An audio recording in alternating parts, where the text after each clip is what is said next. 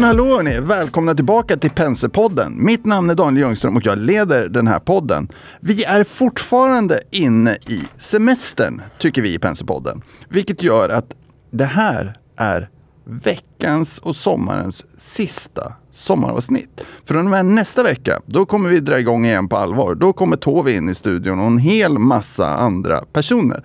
Men idag, idag ska vi prata med Jonas Jansson. Och för er som lyssnar på den här podden så är ju han superbekant på alla sätt och vis. Han är analytikern som pratade väldigt mycket bank. Och, och, Jonas, jag ska inte säga att han är lite till åren kommen, men han är i varje fall senior. Och så pass senior att vi kan ta och prata börs med Jonas en timme och fråga lite grann om var han kommer ifrån, vilka erfarenheter han har, hur han väljer en aktie och så vidare. Välkommen till podden Jonas. Tack ska du ha. Du tog inte illa vid dig att jag sa att du är lite till åren kommen. I det är ju också i, så att vi i, sätter oss på samma bord. I min ålder börjar man bli lite van vid den kommentaren. Hur länge har du varit i finansbranschen? Alltså jag började ju på, på, på gamla Bankinspektionen 89 typ. Alltså det här var, det var ju första jobbet jag hade.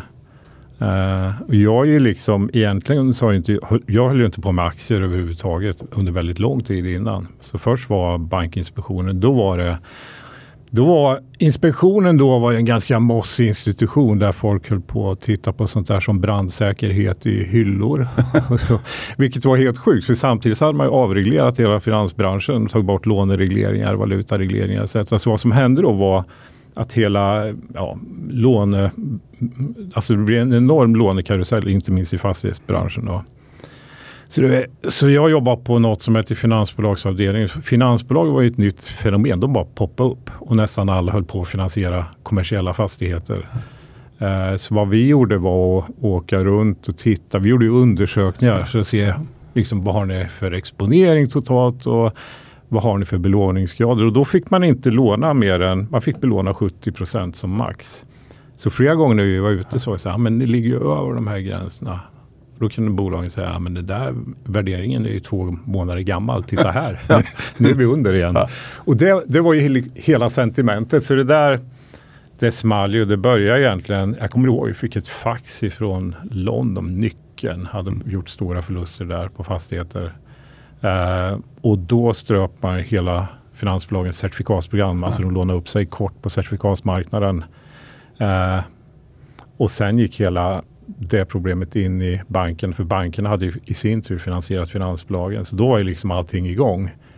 Så det var liksom mitt första jobb att hamna i en extrem bankkris 92-93. Va, va, hur, upplevde du, hur upplevde du den krisen? Men jag var ju ung, jag fattade ju, det här var ju liksom för mig var jag, det var väl enormt tyckte ju alla andra ja. liksom. Men man själv hade, det var ju första jobbet, man sa okej okay, nu är det så här liksom. Då, men det var ju jäkligt intressant för vad man fick göra var att sitta, man fick, man fick ju sitta och räkna på, på för först, ja, jag var på finansbolag först och sen in i bankerna då.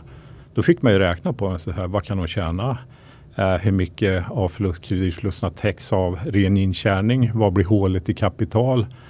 Och vad ska staten in med? Så vi jobbar ju med eh, Bankstödsnämnden eh, som det då hette. Eh, och då, det var ju de som sen i slutändan tog över allting och, och täppte till det där hålet. Och det blev ju i efterhand så agerar ju staten väldigt bra. Alltså det första man gjorde var att gå ut och garantera likviditeten i bankerna. Då fick man ju ner låne, alltså likviditetsissuen och spreadarna åkte ner så bankerna kunde finansiera sig.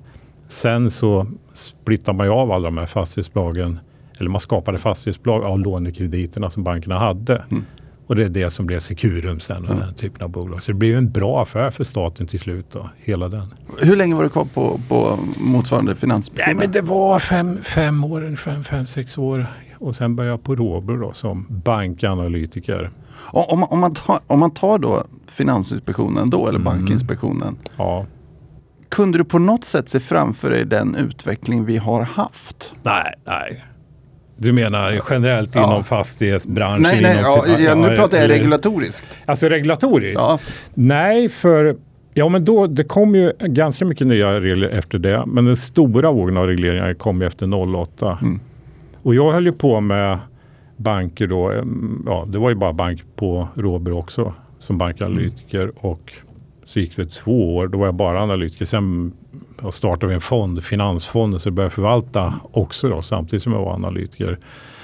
Eh, och sen så bytte jag till samma typ av förvaltningsroll egentligen på AP, första AP-fonden och sen på tredje AP-fonden. Men då är det ren förvaltning. Eh, vi, vi, kommer komma tillbaka till ja, det Jonas. Om... Men, men, men, men, det jag skulle säga var att den stora regleringsboomen den kom efter, efter finans, den stora finanskrisen mm. egentligen. För den, och då blev ju den global på ett helt annat sätt. Första finanskrisen den var ju mer svensk mm. skapad. Uh, och så, så egentligen fanns ju de här stora kapitalhöjningarna, de kom ju senare. Mm. Vilket gjorde att bank var ju rätt kul att hålla på med som aktieplacering också fram tills finanskrisen hände. För då fanns ju alltid en skillnad i kapitalisering mellan bankerna och det var ju det är ju sättet man tjänar pengar i bank på. Alltså bank värderas ju alltid på return on capital eller ROI. Mm. Alltså man sätter price book mot return on capital. Och eftersom bankerna hade så olika kapitalisering, en del gerade sig ju hårt. Mm. Eh, och kunde förvärva andra banker. Det var en konsolideringsvåg också. Så det fanns ju enorma skillnader i bankvärdering i Europa. Och när man då på Råby var vi ganska tidiga med att ta så att säga, ett europeiskt perspektiv på bankplaceringar. Och då gick det att göra jättemycket i spreadar mellan. Liksom, hur ser svenska banker ut mot tyska och olika miljöer. Då, så. Sk vilket år började du som analytiker på Robur? Det var 90, alltså det här var i mitten 90-tal, ja, 94. Hur, hur, såg den svenska bankmarknaden ut 94? Ja, 94 var ju efter, då hade det börjat göras om. Alltså det var ju där egentligen som man skapade ett starkt svenskt bankväsende. För man fick en konsolidering, man skapade hela, alltså alla de här, tidigare fanns det en massa fristående sparbanker. Nu gick ju de in i Sparbanken Sverige och, och Sparbanken köpte Föreningsbanken. Mm.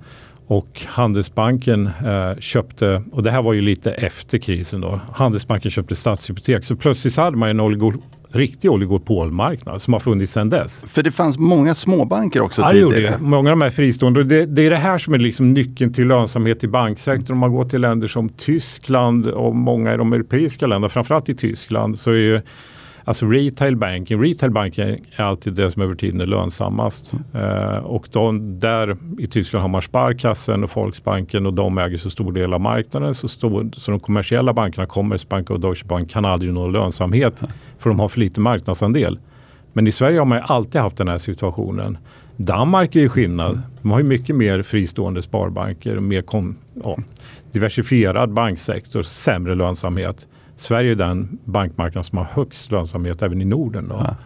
Och det där skapar ju det behöver inte innebära att man har högre priser egentligen. Man, man, men man kan investera hela tiden, hålla hög effektivitet, och ha hög lönsamhet. Eh, och den, det är rätt unikt i världen. Mm. Så bankkrisen, första bankkrisen i Sverige var ju med att skapa det här starka bankväsendet, starka bankerna i Sverige. Kan, man beskriva hur, kan du beskriva hur, hur, hur, marknaden, hur bankmarknaden blir ett oligopol så att folk förstår det? Eller den svenska bankmarknaden? Ja, ett oligopol, ett oligopol blir ju, då är det några få aktörer som dominerar en marknad. Eh, och när man då kom från en situation man hade ja, föreningsbanker och de, framförallt föreningsbanker och fristående eh, sparbanker. Då, jag vet inte hur stor marknadsandel de hade, den var ganska stor. Om man tar det som ett aggregat. Men då hade man Sparbanken Sverige som var en stor aktör. Men de fristående sparbankerna var ju helt frikopplade mm. från Sparbanken Sverige.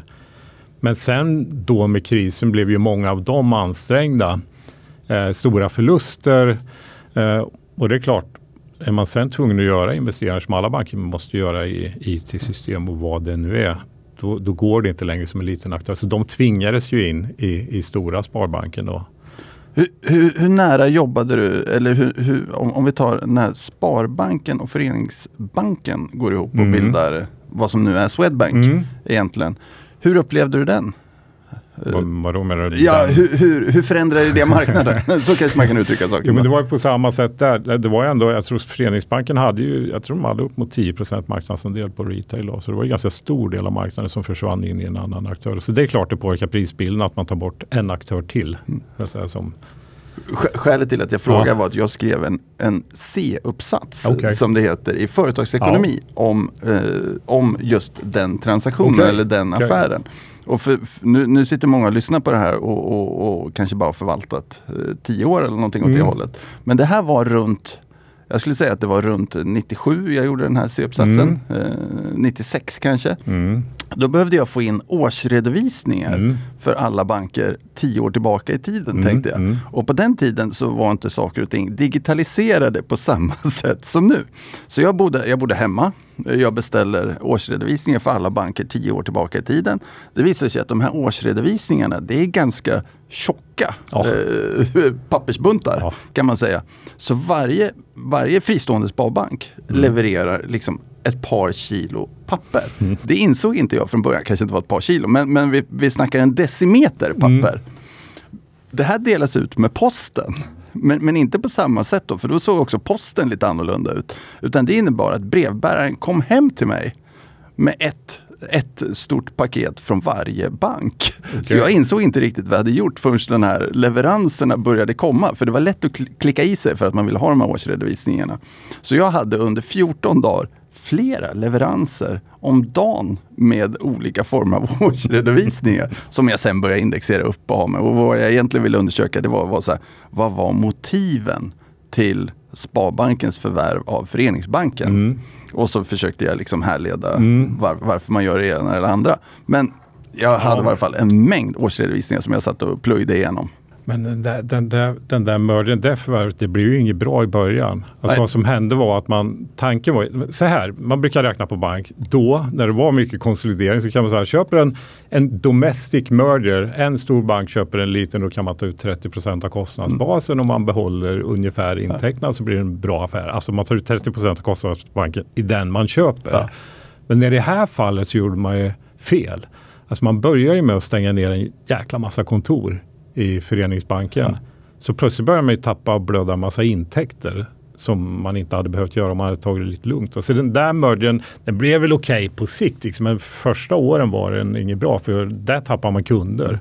Jag, jag läste massa material då. Jag Ja. fick material från alla håll och kanter och jag intervjuade en, en massa företrädare för, för båda bankerna. Mm. Projektet hette från, från Swedbanks sida då Projekt Squirrel.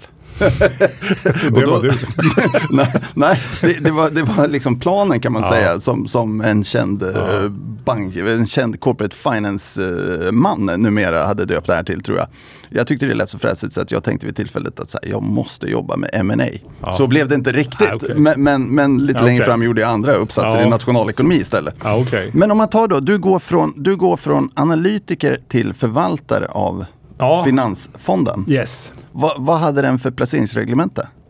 Alltså den var, det var, det var ju som de andra, alltså det, det fanns ju inte i, vad ska man säga, alltså senare har man ju skrivit väldigt mycket kring eh, riskfilosofi, placeringsdokument. Då är det ganska öppet, men det var inriktat på finans i Europa Ja. egentligen. Och vad är finans? Finans inkluderar ju även försäkringsbolag, alltså om man tar de noterade så är det i huvudsak försäkringsbolag och banker. Försäkringsbolag har jag aldrig varit speciellt vass på. Nej. Nej, men jag tycker de är så mycket svårare. Och det finns liksom inte en, ja, nu finns det enhetliga regler, men det är svårt med transparensen. Som jag aldrig, liksom de, de indexerar vi nog mer liksom och körde mest på bankerna. Men när man tyckte ändå liksom man var nischad på bara bank och på Europa. Det gick att få bra performanceresultat genom att vara väldigt nischad. Råby var ju ganska tidiga med det. Det fanns ju inte mycket bankanalytiker då.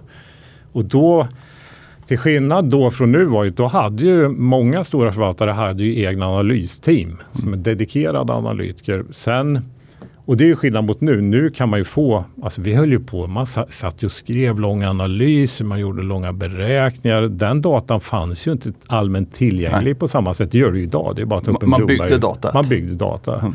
Men det finns ju idag, så därför har man inte samma behov av en egen analysavdelning på det sättet idag som man hade då. då. Eh, men det där arbetssättet tog jag med mig sen så i, in i AP-fonden och förvalta. Bara, det var ju lite skillnad liksom. En AP-fond. När, när började du på AP-fonden? Vilken AP-fond var det? Första AP-fonden var den första. Alltså det var, det var alltså i slutet. Kan det ha varit 01 någonting. Mm. Där. Eh, men det, det är enklare på ett sätt för det är en portfölj. Och det vet ju du också, Mm. liksom, där är, man behöver inte hålla på och sälja. Man säljer ju inte in någonting, man har inga flöden att hantera. Det finns en portfölj. Och enda målet är att få så bra avkastning som möjligt på den. Det är liksom jobbet. Och det är väldigt straightforward, väldigt enkelt och du får din kaka. Så här mycket pengar ska du förvalta och göra så bra som möjligt mot index med den då. Eh, det är den stora fördelen tycker jag med att vara på en AP-fond. Bra folk också, bra mm. förvaltare.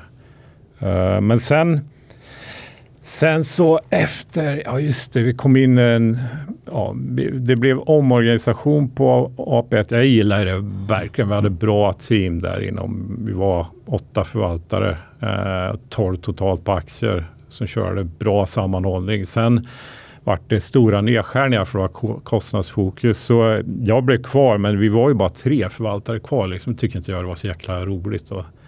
eh, så då och så var det en, jag kände som hade börjat på AP3 så följde jag med honom dit och så körde samma data. Men lite annorlunda. Där var mer man hade sitt eget förvaltningsområde men där var också mer lång kort. Alltså en ren alfagenerering. Så mer som en hedgefond egentligen. Mm. Att man kör lika mycket kort som lång och då, alltså du tar, du köper några aktier men du säljer några aktier emot va, hela tiden. Var det samma sak? Var det en finansinriktning på samma sätt ja, som tidigare? finans bara. Mm. Eh, precis och så var jag kan man säga analytiker för finans mm. för hela fonden mm. också då.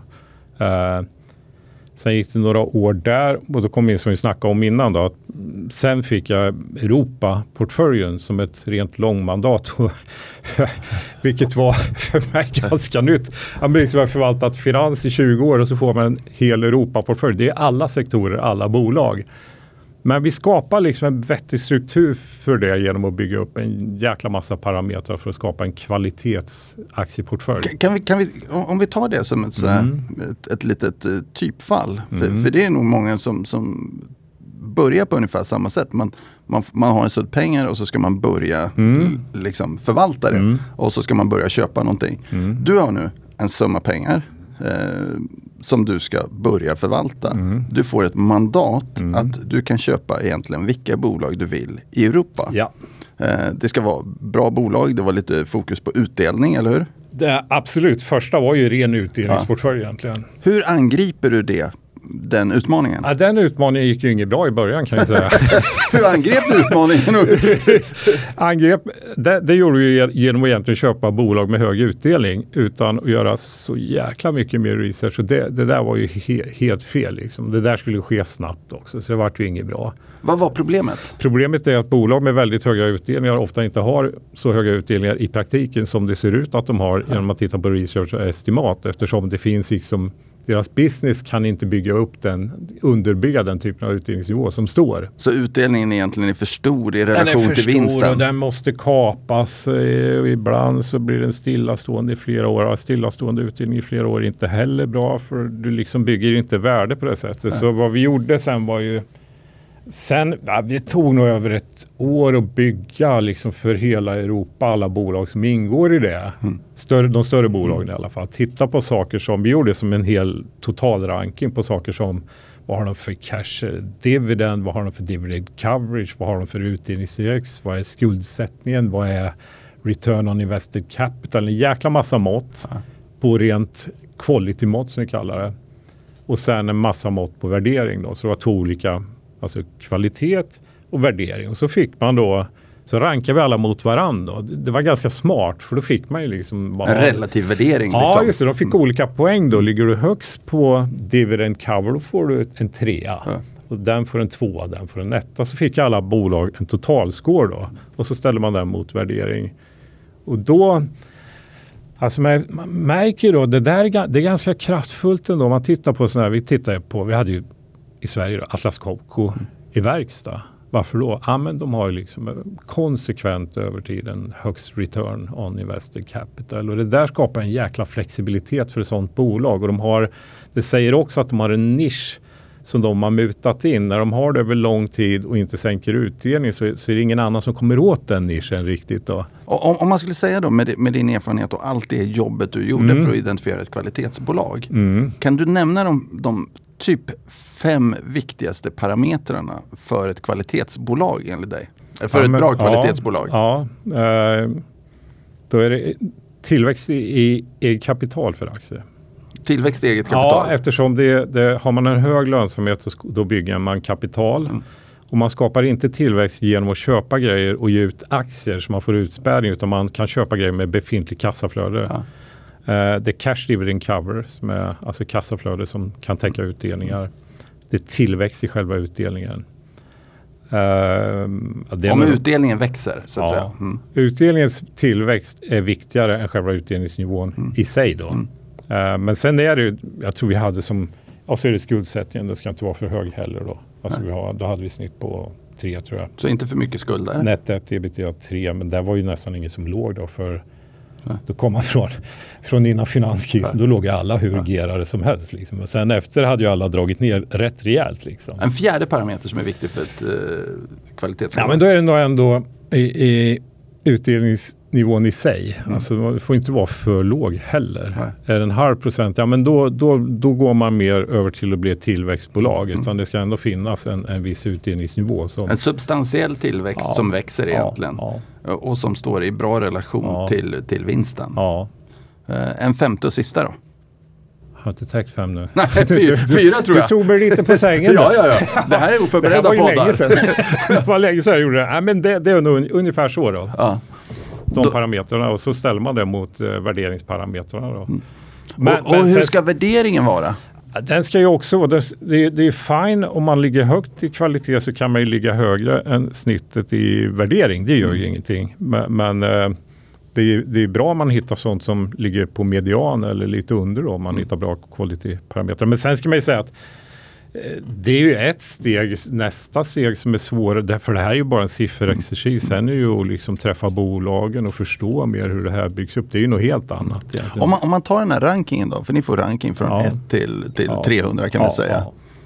Innebär det att ni köper de 30 bästa bolagen eller hur, hur går man sen från, från vad ska man säga, Mm. från rankingen till mm. portfölj? Ja, men det, det, blir om man kör en Europaportfölj så är det stora sektorer eh, som ligger i den. Bank, Consumer Staples, eh, Cyclicals. Så då, då vi, vi gjorde ju mer åt att alltså, stora performancen får man egentligen från om man kommer rätt i cykeln. Alltså, mm. Det är ju vissa perioder det går med tillväxt, när det är bra momentum och då ska man ha cyclicals är det, är det dåligt moment, ska man ha consumer Staples, Healthcare. Eh, kanske gjorde mer åt att försöka ha mindre sektorbett i portföljen men ha de bästa bolagen i varje sektor. Då tar man ju bort mycket av, av makrorisker man får i en sån portfölj. Då. Mm. Om, man, om man tar en, en, en med, med, med grund i det så kan man konstatera att väldigt många, väldigt många säger att jag tittar bara bottom-up. Mm. Det vill säga man tittar bolag för bolag ja. och så bryr man sig inte om makro. Ja. Hur balanserar du? För du kommer från den här rankinglistan. Du har din vy på de här bra bolagen och så vidare. Sen går du ändå upp i en, vad ska vi säga, du, du kommer ändå hitta en portfölj någonstans. Mm. Och nu pratar du lite om att diversifiera sig mellan olika sektorer, mm. lite momentum och så mm. vidare. Hur går du från liksom vilken betydelse får makro i sammanhanget? Ja, men det, får ju, det är klart att det får betydelse och därför kan man ju, men man, går ju sällan all in, så att säga, mm. bara cyklikers mm. och inget i finans. Utan där, vi försökte ju trimma det där, att i vissa perioder låg man mer eller mindre överviktade olika sektorer, men alltid i ungefär samma bolag då. Mm. Men, men sen ska man ju också säga att det där gick ju, metoden gick kanon, men det är alltid när det går riktigt bra med sån portfölj. Det hänger på hur omvärlden ser ut också. Mm. Det här var eh, bit efter Ja, det var efter finanskrisen. Uh, då gick det kanon i tre år, enormt bra. Mm.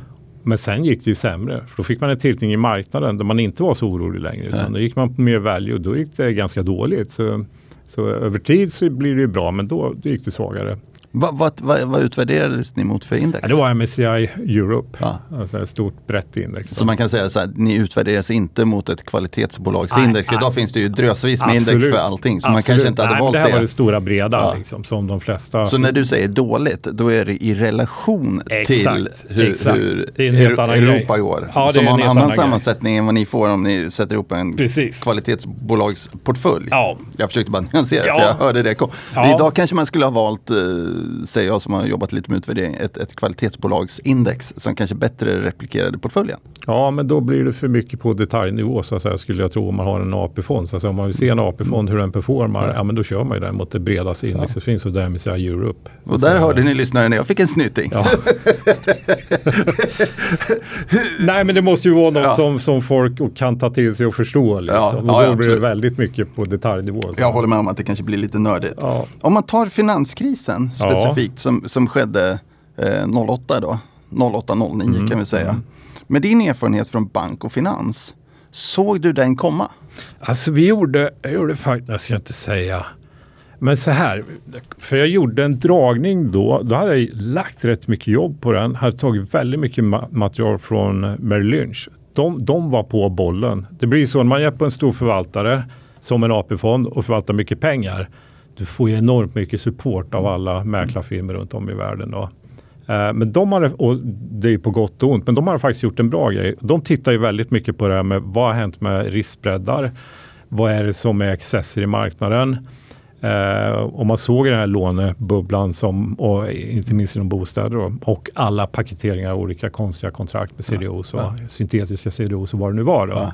Så de, de satte ju också fingret på det och sa att det här, det här är en issue, men det här har- det har ju sett lite ut så här i tre år. Varje år har det varit fel att gå emot den här trenden, för den har bara förstärkts. Och eh, vi var ju lite i samma situation där med, man såg det ju. Men, men eh, och det blir väl lite som man, om man tar dagens börs idag. Du ser liksom att allting har gått bra väldigt länge. Ja. När kliver du av då? Ja. För kliver du av två år tidigare, då är det ju fel.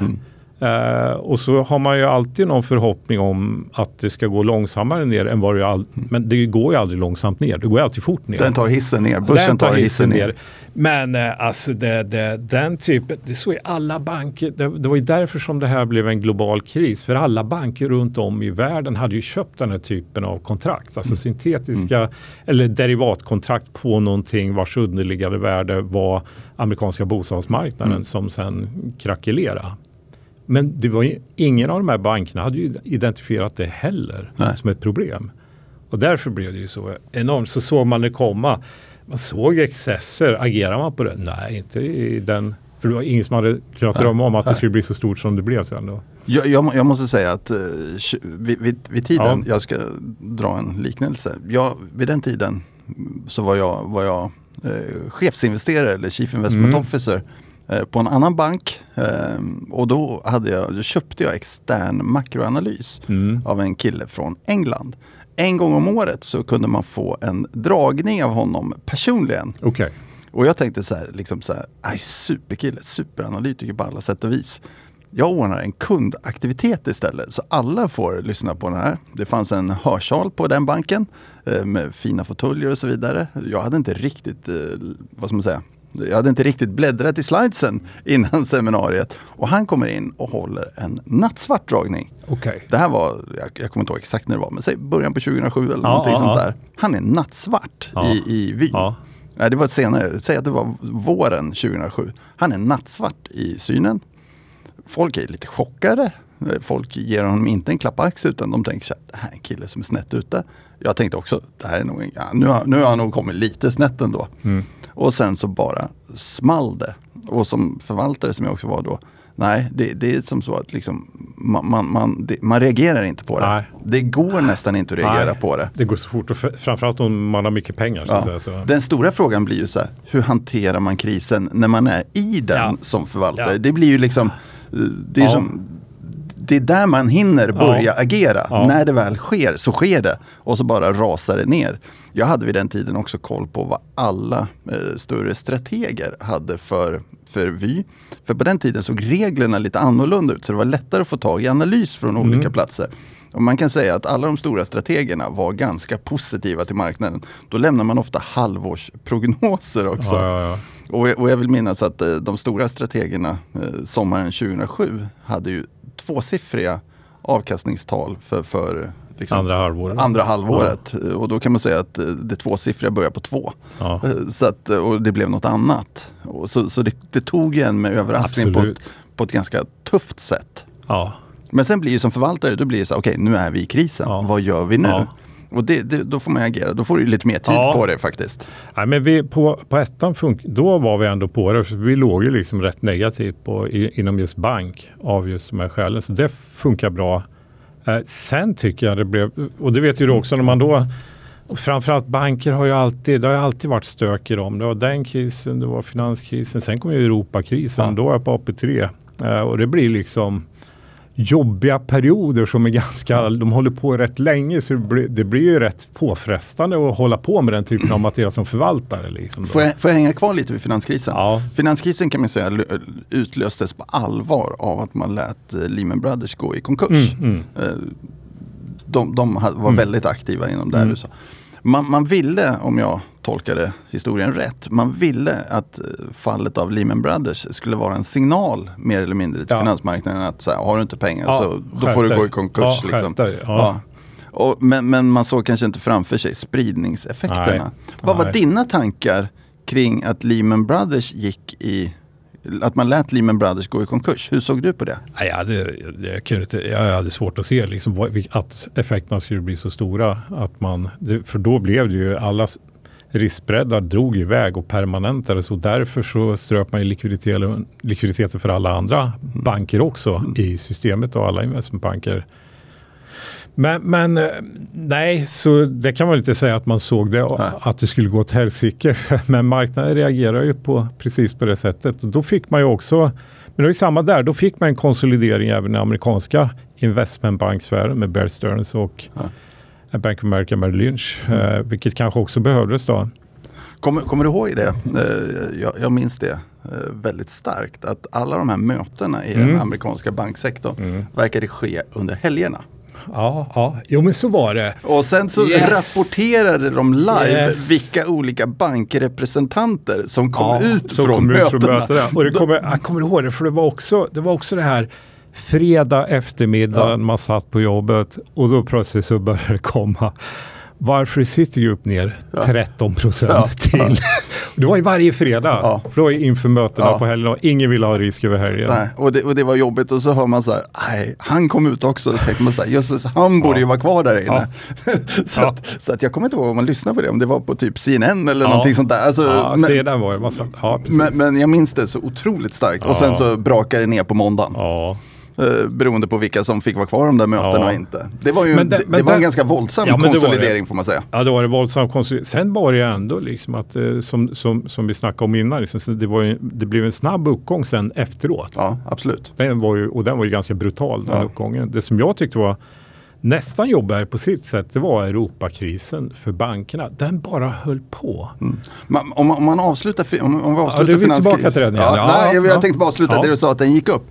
I mars 2009 vill jag minnas att mm. det var. Nu, nu kan jag blanda ja, ihop åren lite. 2009. Då vände börsen och gick eh, 23 procent. Säg att finanskrisen, har jag blandat ihop åren lite här? Att det var 28, 2008? Äh, får... ja, 2008.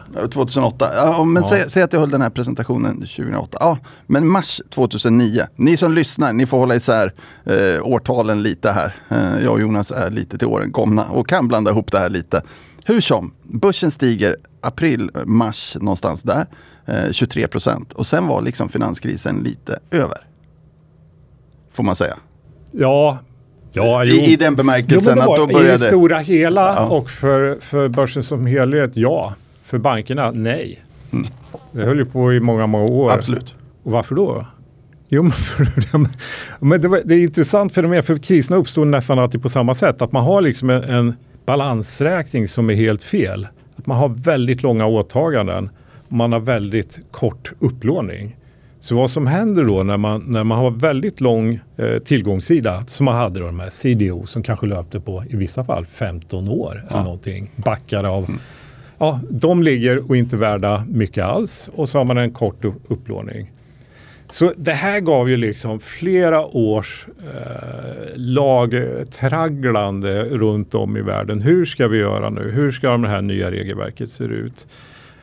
Då kom Net Stable Funding Ratio, Liquidity Ratio, alla de olika ratiorna och höga kapitalkrav på bankerna. Så det här var ju, det var ju liksom en tioårsperiod som låg där man bara inte ville ha bank generellt. Nej.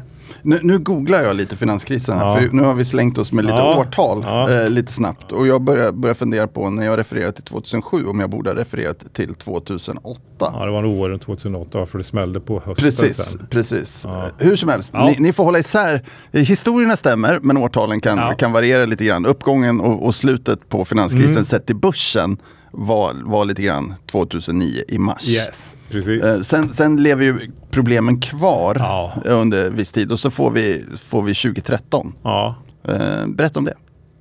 ja, 2013 med alltså, eller när bankkrisen i Ja, Europa. banken, ja, ja nej, men, sen, nej, men det, det, det som jag tyckte var jävligt jobbigt med den, med Europakrisen, Mm. det var ju liksom att man hela tiden hamnade här. Kom, jag kommer ihåg liksom man satt på sommaren och så skulle, nu ska grekerna eh, köra en röstning och tyskarna, kommer de att ge stöd till Grekland eller inte? Kommer Europa att hålla ihop eller inte?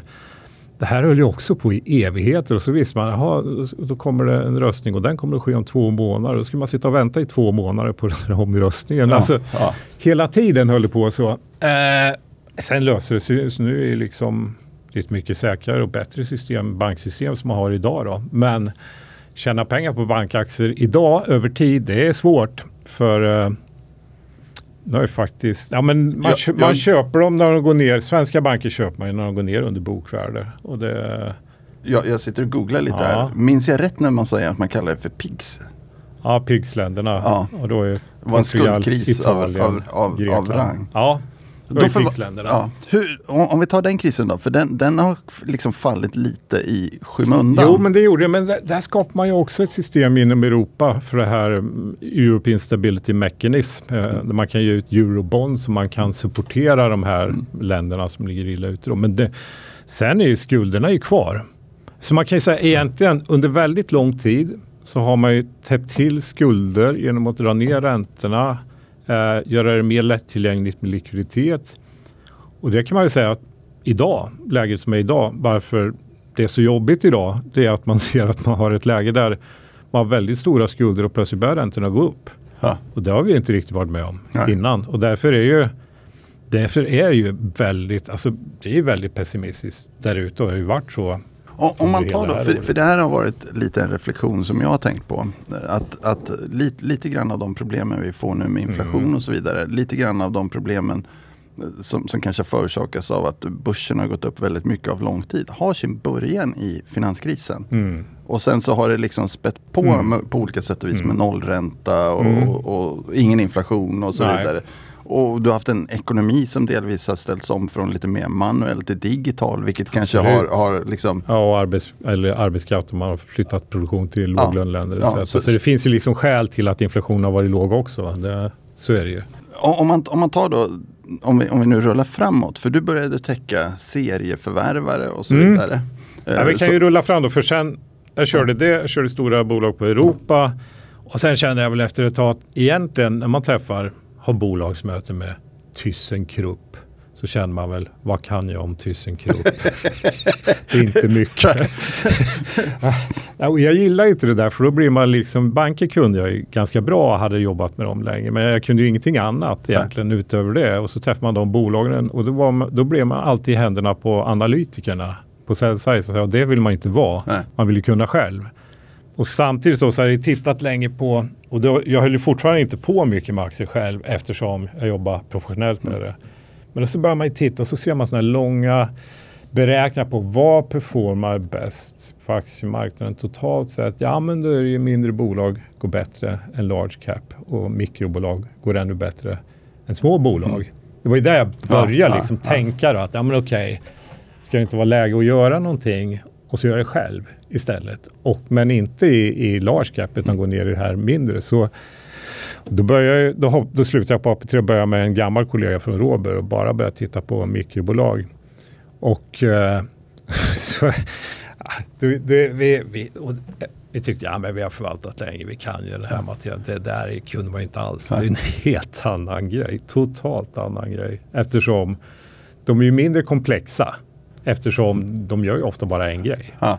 Däremot så finns det ju så mycket andra risker som kommer in. Liksom, Ägarbild och likviditet. Ägarbild, ja, vad är det för personer? Ja. Vad hur ser finansieringen ut? Hur har man löst den? Och konkurrenssituation vet man ju sällan mycket om Nej. egentligen i de här. Så, så vi började ju rätt trevande.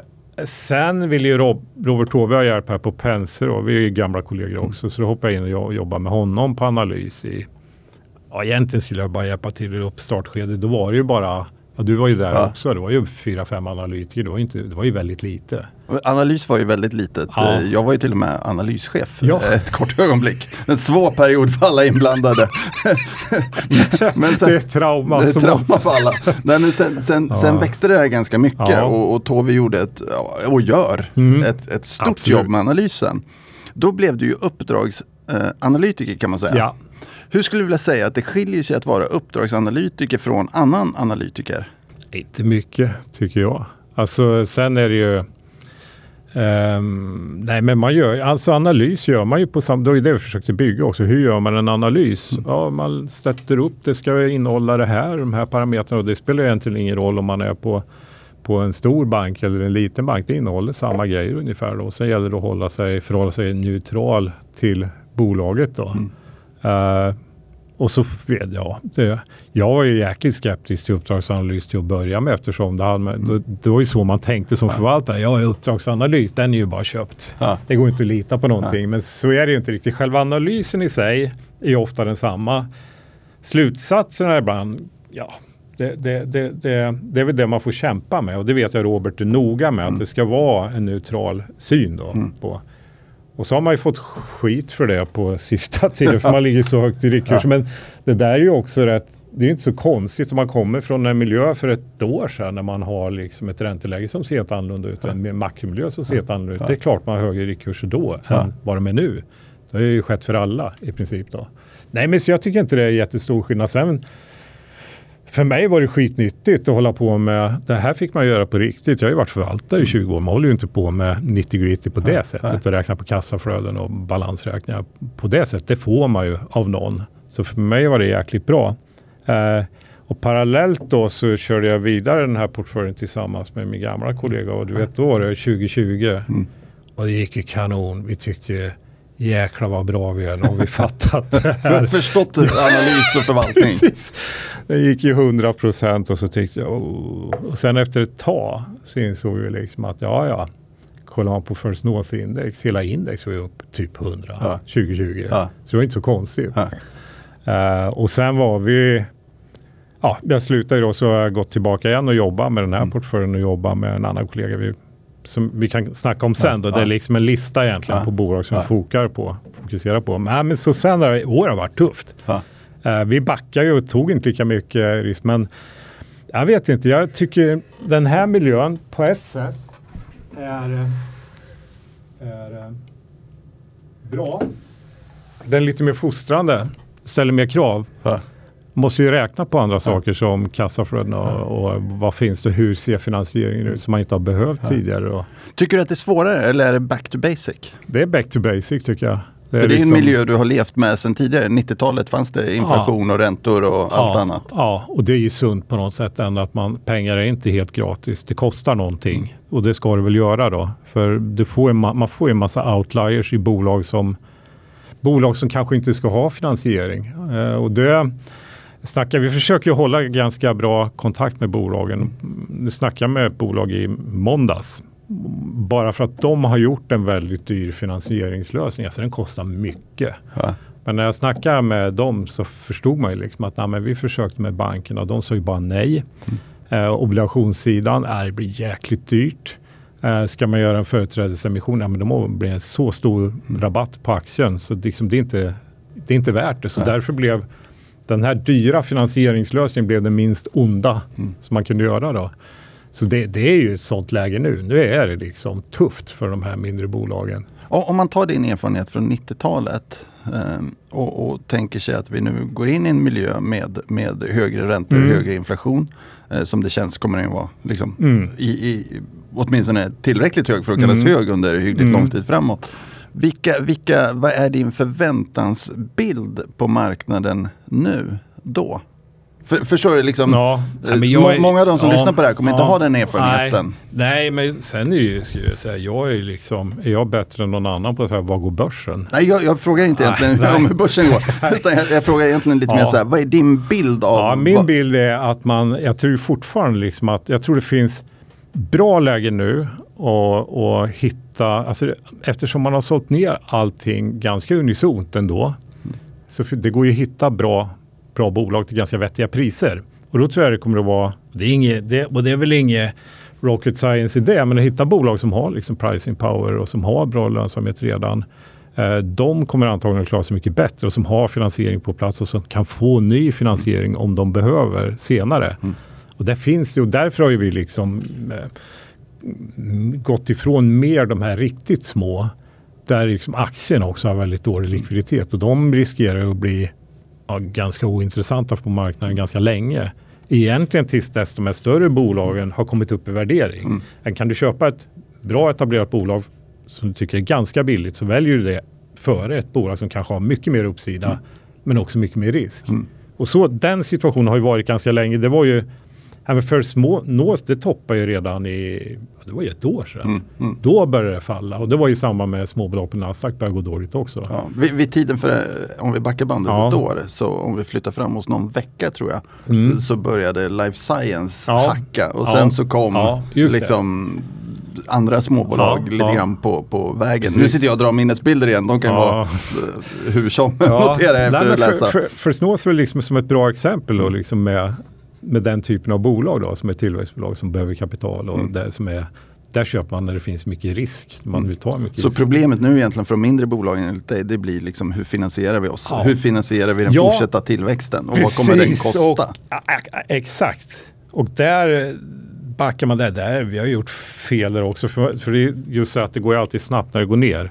Och det man missbedömer finansieringen är ju en sak. Hur kassan ser ut är en sak. Men sen är det ju också så att det blir ju en allmän oro. Så deras kunder, deras, deras potentiella kunder, de har ju ofta inte en uppbyggd kundbas med återkommande intäkter. De drar sig också för att, att ta något nytt så att säga, mm. och hoppa, hoppa på något nytt. Så då blir det liksom tiden tills dess de kan nå ett genombrott och lyckas blir ju längre och då drar de mer kapital under den resan och då behöver de fler emissioner. Så det är inte så konstigt. Mm. Men men den liksom dynamiken på intäktssidan tror jag man, man missbedömer ibland. Mm. Uh, det tar längre tid. Om, om man tar, nu vill jag fråga en fastighetsrelaterad fråga. Ja, det, Fast, ja. Fastighetssektorn ja. har ju haft det supertufft på börsen under den här omställningsperioden mm. när vi går mm. från nollränta till, till ja, lite mer inflation och ränta. Och många bolag är dramatiskt ner skulle jag vilja säga. Vad är din syn? Och nu, nu, ska vi, nu drar jag en disclaimer här. Du är ingen fastighetsanalytiker på något sätt. Du är inte påläst. Utan jag bara frågar lite grann i mm. största allmänhet. Så här, vad är din syn på den typen av, av risker relaterade till fastighetssektorn nu? Med erfarenhet från, från eh, början på 90-talet. Ja, jag, som du säger, jag, jag, jag, vet inte, jag vet inte hur, hur de parametrarna ser ut. Som man tittar ju på vakansgrader och man tittar ju på belåning. Men jag tror att generellt belåningen är ju ändå väldigt mycket lägre idag än vad den var eh, förra eh, eller första finanskrisen, helt klart. Och det i sig är en kudde. Mm. Uh, och så har de gått ner mycket, men, men det är ju också som, de har gått ner mycket, ja, men det är ju från också en nivå som var väldigt hög innan. Uh, det är väl samma där att man men då när man tittar, när man tittar på fastighetsbolag, då, ja, men då var det så här, man tittar ju på, ja men de handlar till NAV ungefär och så en viss rabatt mot NAV. Nu har de ju, många handlas över NAV mm. i flera fall då, eftersom man tänker att de kommer att växa NAVet genom att göra förvärv. Mm. Och det, det går ju inte heller hur länge som helst att göra det då. Och då blir det ju då måste man ju få till finansieringen och det är det som har hänt i många av de här nu. Att man måste ju finansiera sig på obligationsmarknaden så börjar spreadarna dra iväg rejält för dem. Då, då är det klart, har du då inte någon speciellt hög yield i fastighetsbeståndet så blir det ju, ja det, det blir ren automatik i det. Mm. Så måste du finansiera dig på 5-6 procent och du får en avkastning i fastighetsbeståndet på 3-4 då går det ju inte i, i förlängningen. Och det är det marknaden reagerar på. Sen är man säkert, jag vet inte, man kan ju säkert ha dragit växeln för långt. Mm. Även när det gäller att ställa ner aktierna. Jag vet, jag har ingen liksom stark Nej, och jag, Vi understryker igen att jag bad dig spekulera lite ja. med din erfarenhet från, ja. från, tidigare. Om vi tar en annan sektor som du faktiskt har bevakat lite grann. Mm. Och det är ju serieförvärvarna. Mm. Där, där gjorde du djupt avtryck på banken. Mm. Vad, vad, är din syn? För de har haft nästan lite samma Exakt. utveckling många gånger. Ja men vi, vi, vi pratade ju lite på det innan mm. du och jag. Jag tycker det är ett väldigt intressant fenomen att man såg ju det och det såg man egentligen förra året väldigt mycket av. Vad köper man som kund? Ja, men det är lite skakigt, det är lite oroligt. Fastigheter känns stabilt, det köper vi. Investmentbolag köper vi. Många av investmentbolagen gick upp och handlades med premier, mm. vilket de inte har gjort tidigare. Nej, vi- vilket var ett nytt fenomen. Det var ett nytt fenomen ja. Och, se, och de här förvärvarna var ju egentligen samma sak. Att de har ju Eh, det blir samma där. De, de står ju för en diversifiering. De har en massa olika verksamheter, en massa olika bolag i, i sin business. Och det är klart, då kan man sprida ut riskerna mellan dem. Då. Men det hände ju någonting med, med värderingen av dem. Och vi fick in de här nya bolagen som lockades av det här också, Storskogen och Vestum. Med samma koncept egentligen. Och det, Sen är det ju liksom, det, det finns ju någon slags inneboende arbitrage i förvärvare som är jäkligt intressant. Mm. Under förutsättning att man inte ger ut nya aktier. Alltså kan du köpa ny business genom lån eller genom kassaflöden så adderar du någonting som är lägre värderat. För de värderas till 5-6 gånger vinsten och så plockar du in i bolaget som värderas till 16-17. Ja. Och nu, men, men jag visar ju den här Ja, vi, vi, värderingshistorien vi, vi, kommer komma Ja, till den alldeles strax. Ja. Men, men det är en allmän reflektion då, att egentligen så kan man se på den här värderingen. De värderades ju fram till, om man bortser från den här perioden 2020-2021 som man kan se är lite av en outlier på börsen. Eftersom den hade först pandemin och så enorma stimulanser och räntan ner. Då. Så man tar bort den så tittar man på värderingen vart innan. Då har ju de handlats kring 17 någonting gånger evigt i ebit och så ligger de nu på 24-25. Och så har det sett ut ett tag. De har ju gått ner i år men inte jättemycket. Så jag tror fortfarande, det var ju det vi snackade om, liksom, det finns någon slags inneboende riskaversion. och då köper man hellre sånt som är riskspridning. Det är nu, kanske nu måste vi nog nämna vilka bolag du re- relaterar till här.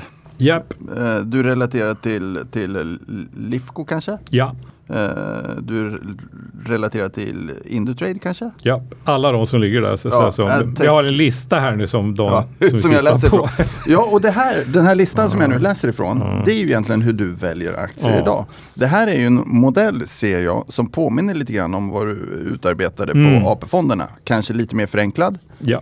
Hur väljer du, vilka är de viktigaste parametrarna för dig idag när du tittar på ett bolag? Jag, jag gillar ju, liksom, för det första, det är grunden för den här portföljen också, vi vill ha tillväxt i det. Uh, vill inte ha för mycket cyklikalitet. Uh, för an, vi, ska man ha cykliska bolag då får man nästan vara bra i att tajma makron när det är bra och dåligt. Eh, Vi vill ha strukturell tillväxt i de här bolagen. Eh, så höga marginaler, väldigt viktigt. Mm. Alltså då är det ebit-marginaler. Eh, har man den kombinationen, har man väldigt höga marginaler, då har man en bra business i sig. för Man kan inte ha väldigt bra betalt för det man gör. Uh, och så ställer man det mot värdering. Och då, vad vi har gjort då? Vi har gjort det här bolag för bolag. Nu, och vi försöker lägga in nya bolag hela tiden. Som sagt, småbolag är ju en ny sektor delvis för oss också. Så vi jobbar oss ju fram här. Så vi har liksom lagt in de stora bolagen, verkstad, konsument, förvärvare som är stora i index. För att kunna ställa de mindre bolagen emot dem värderingsmässigt. Då. Kan, kan man ge en överblick av då, hur, hur ser den här rankingen ut? Jag, jag, jag Det här, är en ren, det här är ingen ranking egentligen, för det här tar inte hänsyn till sånt som kvalitetsaspekter. Den här säger bara, det är en ren värderingssnurra. Den säger så här, Sandvik värderas på 9,8 ev ebit nästa år. Vad har de värderats till innan 2020? Ja, 11. Mm. Ja, ska det se annorlunda ut nu? Ja, men räntan är ju högre än vad det var den perioden, så då tar man ju bort ja, 25 procent kanske om räntan stiger 100 punkter till. Eh, räknar så, så att man tar det. Å andra sidan så har Sandvik bättre marginaler än vad de hade. Nu ligger de på över 20 procent. Och innan hade de 16 så de får en premie för det. Och nettot av det där blir, då säger modellen, den ska värderas i ebit 12. Och då finns det uppsida i Sandvik men ja, och så räknar den liksom några år fram då. Då säger den det finns en räknar på 2025 och så diskonterar man det värdet till ett nuvärde. Då säger den det finns 9 procent uppsida i Sandvik. Per år. Per år ja. Ja, Fram till, till- 2025. till 2025. Ja, ja precis. Men nu- skulle du säga köpa Sandvik idag Ja, så ska det, och den värderas på 2025, då är det ju 9 Ja. på kursen idag. Så som, bra. Och, det, och nu ska vi understryka återigen då att det här är ingen fullständig analys på något sätt. Nej. Utan det, det, det, det är en eh, kvantitativ. eh, det kan man säga. Sen gör vi ju modeller för varje bolag då. Som siffrorna är liksom, det är inget hittepå på det sättet utan man gör en modell för varje bolag som sen åker in i det här aggregatet. Då. Vad skulle du säga är, är billiga aktier idag? Ja men då kan du säga som, nu har jag markerat de här då som Mm. jag kommer att snacka med den jag jobbar med, med idag. Ja. Då ska vi diskutera de här bolagen Ja. som jag tycker ser intressanta ut nu. Uh, så är det Swedencare där Mm. som är, vet du vad de gör? Ja, jag vet hyggligt väl vad de gör. Ja, djurfoder. Ja. Så, ja. De har ju det var, vi träffade Fredrik, det var ett par år sedan, jag tyckte det var så lysande. Mm. Han sa liksom att men basen till att göra de här hundbenen, det är alger som vi, som vi odlar eller köper av en odlare ute vid Nordsjön. Det kostar ingenting. Det är insatsvara. Ja. Och så marginalerna är ju skyhöga på det här och de säljer vi via distributörer. De själva har ju över 30 ebit-marginal. Då tar ju distributörerna också sin Ja. andel. Så marginalerna är ju hiskeliga på den här typen av affär. Då. Aktien har kommit ner rätt mycket. Eh, men den ett par år fram, de har haft problem nu för de har gjort lite förvärv. Den där förvärven kommer nog börja betalas under andra halvåret. Intressant. Bra uppsida. Eh, av förvärvarna är det bara Estiptech. Den har vi haft jättelänge. När den eh, har väl i princip femdubblats. När vi började titta på den och träffa dem så hade de det var ett litet bolag, hade köpt en hissbusiness i Stockholm så jäkligt dåligt. Och sen har de successivt bara renodlat sig, gått in i UK, börjat köpa bolag där, höjer marginalerna successivt. Uh, Humble Group är ett penselbolag. Så, så nu är det de här tio bolagen som vi kommer att diskutera idag. Uh, det här är de som jag tycker ser intressanta ut. Ska jag läsa upp dem? Nej, kan du göra. Vi pratar Genovis, Ja. eh, vi- Arctic Science, Ja, Genovis Arctic Science är egentligen samma sak. De är inne på enzymer Ja. som man ger som insatsvara till stora läkemedelsbolag. Eh, oerhört intressant område som, som stora läkemedelsbolagen börjar göra grejer. Grejen med det här är att de säljer enzymerna nu för att göra olika tester hos läkemedelsbolagen. Men går de in i produktion av stora läkemedel då då får de här royalties. Och det där är liksom fortfarande lite i uppbyggnadsskede att använda de här enzymerna. Truecaller, Ja. Eh, som, alltså app för att kunna se vem det är som ringer. Huvudparten av businessen är i Indien. Mm. Också jättebra nyckeltal. Eh, det är som vi kan inte den sådär jättebra. Så den behöver vi ganska nog- nytt bolag på Ja, börsen. det kom på börsen förra året. Mm. Och lite jobbigt för de har sådana här mycket VC-kapital. Det kommer att bli place. Lockupen går ut nästa vecka tror jag det är. Ja, okej. Och då kan det bli press på den. Det var det förra gången de ska sälja. Då. Så, mm, Smart Eye, Smart är en gammal favorit. Gått jäkligt dåligt. Eh, och det är system för eh, eye tracking eh, och det är ett säkerhetssystem. Kommer du ihåg det? Det här körde vi i en gammal podd. Ska vi se om du kommer ihåg svaret på den frågan. Vanligaste, de tre vanligaste orsakerna till bilolyckor.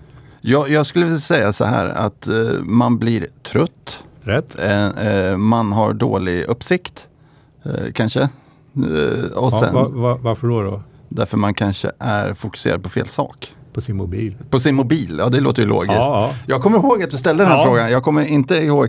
Den tredje är, är, är, vad kan det vara? Tredje vanligaste orsaken. Man blir trött, man kollar på mobilen eller man kanske riktar blicken åt fel håll. Nej, då är det, då är det droger eller Det är alkohol. droger. Ja. Men Ja. det är helt rätt. Jag, jag kan berätta varför jag försöker ha lite koll på det här. Min son håller på att plugga till moppekort och sådana här Okej. grejer, eller har pluggat. Ja. Och nu går det över på mc-kortspluggande. Och för att vara lite så här schysst förälder så har jag försökt plugga ungefär samma sak. Ja. Det är ett av skälen till varför jag råkar ha en jägarexamen utan att vara intresserad alls av, av jakt för att kunna Mm. hänga med lite i snacket. Men, men, men den vanligaste orsaken till, tror jag, nästan vanligaste orsaken till varför man får en mc-olycka, vet du vad det Mm. är? Nej. Det är ju egentligen då som jag uppfattar det att man missbedömer hastigheten, kör på en 70-väg och bara kör av vägen. Ja, Liksom, okej, kör fort. kör, kör lite för fort, Ja. bedömer hastigheten och krafter i en sväng. Ja. Hur som, Ja, smart, ja. Eye, hur- smart eye. Nej men det, och det, alltså det här är en gammal Twitter-favorit, den är välkänd på många sätt och vis. Men de, har ju, de här har ju fått så många kontrakt inom det här DMS-system som är Driver Monitoring System som biltillverkarna måste installera i sina nya bilar i och med EU-lagstiftning.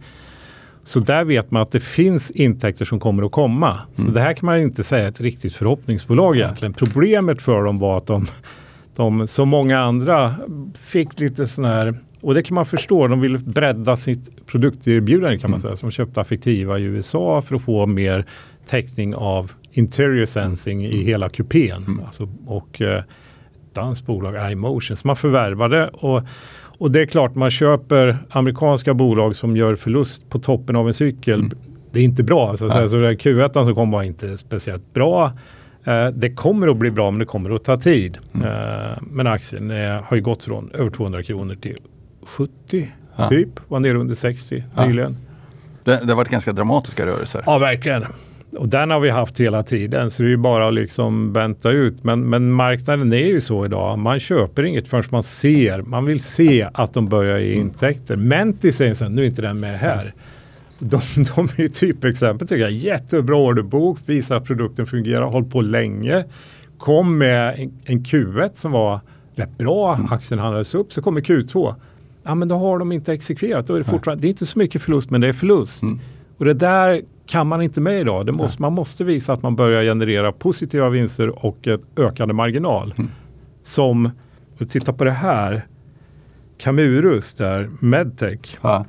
Se på den aktien i år, 55% upp mm. i en svag marknad. Mm. De har haft samma grej, många, många år har på. De gör sådana här, man sätter in ett, ett, läkemedel i en ampull under huden för mm, drogberoende.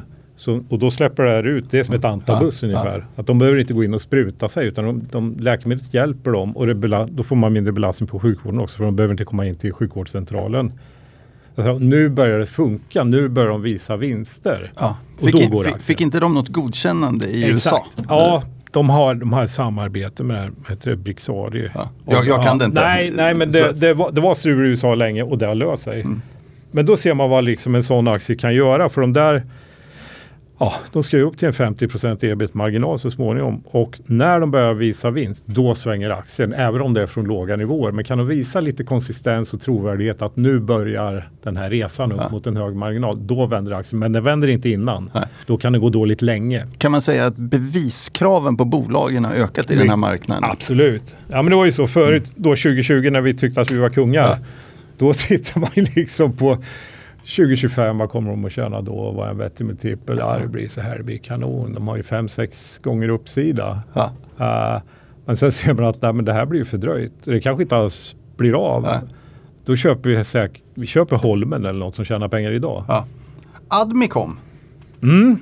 Det finns Fortnox kan man säga. Mm -hmm. Fast mer inriktat på enbart byggsektorn. Uh, har funnits länge. Kanonaktie tidigare. Vi hade, vi köpte första på 20 euro någonting och sen var den uppe i över 140 mm. typ. Och sen brakade den ner i takt med att all tech brakade ner. Men nu kommer de med Q2 jättebra siffror igen. Alltså de växer 30-40 procent, kanonbra marginaler, guidar, mm. som vi snackade om innan. Ja, det är få bolag, bolag som guidar. Nej, och vågar man ge en guiden som är ganska säker på ja. sina siffror då, och de guidar. Jag, jag, lyssnade faktiskt på en annan podd som, ja. som ha, handlade väldigt mycket om just att bolagen inte guidar så mycket nu för tiden. Eh, jag är inte riktigt insatt i frågan. Men, men man skulle kanske önska lite guidning ibland. Japp. Eh, ja och nej kan man säga. Det hänger på vilken typ av verksamhet? Ja, för vissa, det, ja, men du vet, vissa av de här bolagen som vi har, har haft på Penser har ju varit liksom alldeles för positiva och mm. det, det är det värsta.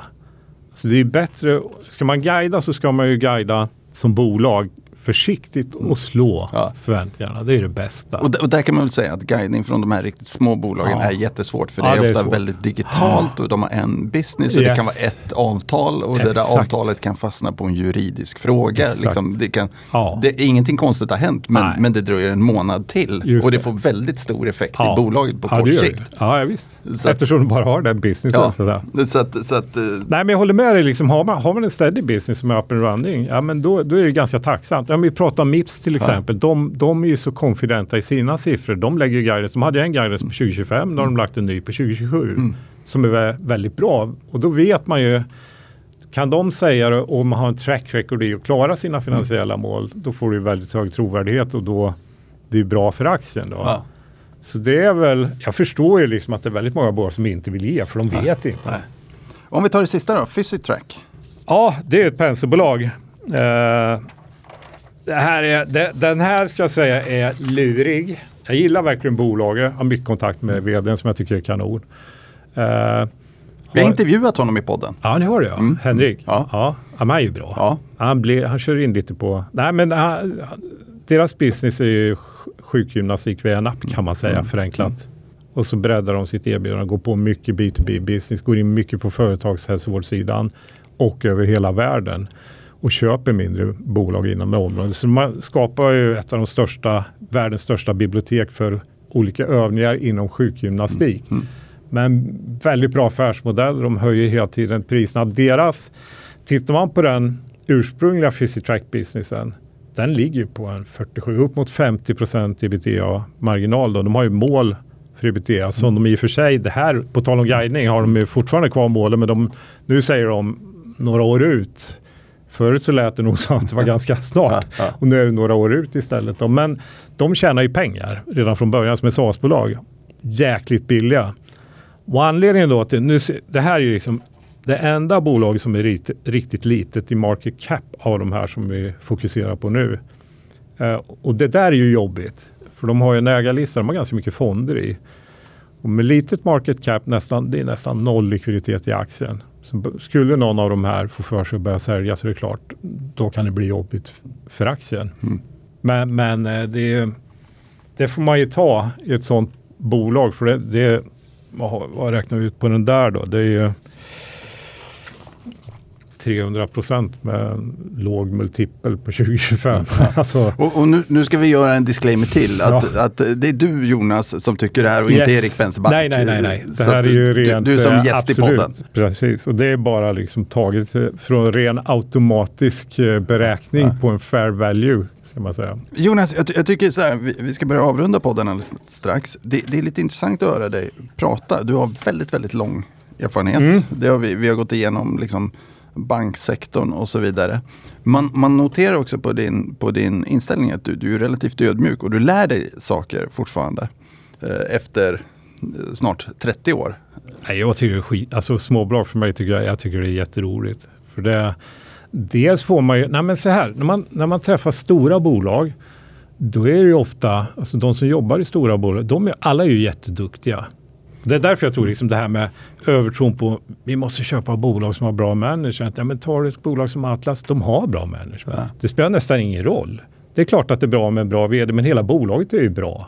Mm. Alltså, träffar man mindre bolag, där är ju vd är ju oerhört centralt. De kanske är tio pers på mm. bolaget. Ja. Så, och det blir ju väldigt roligt. Det är ofta en entreprenör Uh, brinner ju för sin business, äger ofta mycket. Det blir en helt annan dynamik i att träffa en sån person. Jag ja. tycker det är skitkul. Där, där, landar vi också i vad många av våra gäster i podden faktiskt har, har beskrivit tidigare. Om vi tar eh, liksom, ja, alla möjliga gäster. Jag ska inte nämna någon då för jag glömmer alltid någon. Mm. Men, men, det är ju det här VDs betydelse. Mm. Just när man investerar i små bolag och, och kanske många gånger också onoterade bolag och så vidare. Att VDs betydelse att inte hänga upp sig vid kvartalsrapporten, att vara långsiktig, att hålla koll på att liksom, utvecklingen går åt rätt mm, håll. Mm. Och min egen reflektion många gånger, det är när man ser att någon har sålt med enorm vinst så tänker man så här, vilket klipp. Men man glömmer bort att det kanske tog 12 ja, år ja, ja. att nå till det där klippet. Så att man missar många gånger i, i, den här journalistiken, eller vad man ska kalla det då, så här, hur länge har man verkligen varit i det här bolaget? De gör inte så jättemånga nej, nej, snabba nej, klipp. Nej, det gör de i många fall så kan det ju vara så att det kanske är den stora placering de ja. har ja. och den har inte gett någonting i 15 år och kanske har haft en väldigt dålig lön under ja. hela tiden också. Så. Med, med, din erfarenhet av förvaltning Jonas, hur många, hur många bolag har du i en portfölj idag? Nej, i portföljen vi har, försöker ha 20 i alla fall. Då. Mm. Uh, tror inte, nej, det det är så här, man kan ju säga, det var ju en trend ett tag mot att koncentrera portföljerna väldigt få innehav och då får man väldigt bra utväxling. Det får man ju. Men, men det här med konferens, det är, jag tycker alltid det där är svårt. Hur konferent är du i det här? Ja. jag tror ju någonting. Jag mm. vet ju inte. Nej. Jag bara tror något. Och eh, då tror jag det blir fel, och framförallt i de småbolag att ha det i, Eh, i, i, för få bolag. Man, då riskerar man att gå väldigt, gå väldigt fel med det. Mm. Jag, jag, jag, skulle vilja att vi använder det som, som jag, ska, jag ska kolla en grej här på, på min dator faktiskt. Eh, jag har ju dator numera i studion sedan ett tag tillbaka. Eh, sensmoral är kanske ett ord man kan använda då. det läser jag på Wikipedia det betyder den moraliska undermeningen. Det vill säga den innersta meningen, lärdom och så vidare. Alltså lärdomen man kanske kan dra av, av vårt samtal Jonas. Det är ju att, att eh, du med, med väldigt lång erfarenhet ser fortfarande att du lär dig saker och ting du med din erfarenhet av analys och bedömningar och så vidare anser fortfarande att du ska vara diversifierad eh, de, de här koncentrerade portföljerna som många har där man pratar om fyra bolag. Det, det är svårt att säga att man vet så mycket utan det innebär också en massa risker. 10-12 bolag kan också vara lite för lite Mm. beroende på vad man tittar på för, för typ av innehav. Och tittar man på småbolag så kanske man ska åtminstone uppåt 20 då. Ja, sen hänger det ju på liksom hur, vet, det är klart vissa kan ha koncentrerat på för om de är väldigt nära bolagen. Det kan man ju vara. Mm. Ja. Man kan ju sitta i styrelser eller valberedning eller vad, alltså vara väldigt nära Och- bolaget. och- Då kan man ju ha den. Och det, det håller jag helt med om. För Ja. då, men då jobbar du med bolaget Exakt. på ett annat sätt. Exakt. Då när det blir lite problem, då kan du börja Ja. fundera på Ja. så här, ska vi ta in kapital, ska vi investera? Alltså det, blir, det är en annan form av investering. Det det. det, här är ju lite mer sparande och investerande på håll. det är det. Och vi försöker ju ligga nära bolagen men, men samtidigt så är det ju vissa i på förhand, ja men de har, vi har inte ens träffat dem liksom. Och, och, och så, vill man, så man måste ändå, jag tycker ändå man ska ha en hygglig, och framförallt när det är så oroligt som det är nu på marknaden. Men eh, nej, jag vet inte, jag tycker ändå att det, jag tycker det är kul att lära sig. Jag tror att det är en intressant tidpunkt nu när det finns ju ändå en oro. Det sa ju du va? Att dina följare, du gjorde en sån där poll på Ja. hur folk ser på risk just nu. Absolut, jag, jag, gjorde en, en, jag ställde en fråga på, Ja. på Twitter. Eh, och då fick jag eh, tusen svarande eller någonting åt det hållet. 55% var, var Negativa. negativa. Ja, Eh, man, man kunde svara, man kunde svara eh, positiv, negativ eller jag vet inte. Mm. Eh, då, då svarar eh, 55% att de är negativa. Eh, roughly 25% svarar att de är osäkra. Och eh, vad får vi kvar då? 20% svarar att de är positiva. Ja, det är väl... Det är väldigt så- mycket psykologi ja, i det. Ja, Nej, men det ser ju det på hedgefonder. hur De ligger positionerade. Det är också på rekordnivåer i att vara bearish. Och eh, när Bank of America Merrill Lynch undersökningen var ju också kraftigt bearish och väldigt höga kassaandelar hos förvaltare. Så det i sig säger väl, och flödena på Avanza har ju också kommit ner. De, har ju normalis- de är tillbaka på 19 nivån igen efter att ha varit uppe enormt högt. Nitt- eller 2020, 2021. Så det i sig är ju ändå någon slags trygghet. Ja, men okej, då kanske det här värsta säljtrycket har gått över då. Inte minst i... Ja, det, det är inte så många till som kan bli negativa kan man tänka sig. Nej. Någonstans måste man ju finna botten. Ja, jag, jag, som of, ofta, jag, det, allt blir så mycket roligare med, med en positiv Ja, ja, börs. Så jag hoppas alltid, oavsett fundament eller vad som helst, att det ska vara en bra börs. För allt det här blir så mycket roligare. Det, det är roligare offensiva samtal, vi pratar om utveckling, kurser som har gått och så vidare, än att prata det här defensiva. Men det defensiva är kanske där man lär sig. Absolut. Det- Det, det- och hur man hanterar det. Och vad gör man då? Har man lärt sig någonting av det? Ska man ha gjort det annorlunda? Ja. Nej, jag skulle ha gjort det annorlunda i de här. Jag skulle inte ha i så stora risker i så få bolag Nej. som jag hade när året började. Liksom. Det, det är klart man lär sig av sånt. Jag, jag, jag, jag som har varit lite contrarian på Twitter och annat kan ju notera att eh, bara för något år sedan var det inte många som såg framför sig att eh, man kunde få en hygglig boränta. Eh, att bolag kunde falla ganska dramatiskt och så vidare. Det är väldigt många som har kommit in på börsen väldigt tidigt. Mm. Jag misstänker att när man kommer ur den här krisen så kommer de ha dragit en, en massa lärdomar om begreppet diversifiering, ränta, inflation och så vidare som kommer stärka dem Mm. inför nästa. Så även om det är jobbigt nu så kanske det in, ändå innebär att, att man på lång sikt Ja, får en absolut. me- mycket bättre utveckling. Jag frågade Avanza på det, på det när de hade sådana enorma flöden 2020, 2021, hur profilen är på netto, nettoflöden, nya kunder. Antal kunder är ju fortfarande högt. Ja, men då sa de, ja men snittet är någonstans, alltså det är under 30 år. Det är här 27-28 år någonstans i snitt. Och det är klart, de har ju kommit in väldigt fel. Men det är precis som du säger, liksom. förhoppningsvis har det kanske inte varit så mycket pengar då. Det, som det kanske hade varit om de hade varit 50 Nej. och gått in då. Och, och, och det kan man säga, det är ju ett av skälen till, till varför vi har pratat så mycket om, om risk och tagit in erfarna förvaltare och så vidare i podden. Det är ju utbildningsmomentet. Att det är ju väldigt svårt eh, och kanske olyckligt ibland att lära sig verkligheten. Om man kan få lyssna på någon med erfarenhet så kanske det ändå gör att man kan dra några lärdomar. Sen kommer det alltid an på personliga riskpreferenser och, och vad man har för mål Mm. och det ena med det tredje. Men, men man måste ändå lära sig någonstans. Right. Jonas, det har Ja. varit supertrevligt att prata med dig. Väldigt kul att prata med dig Daniel. Stort tack för det ja, här! tack ska du ha. Ja, hej hej.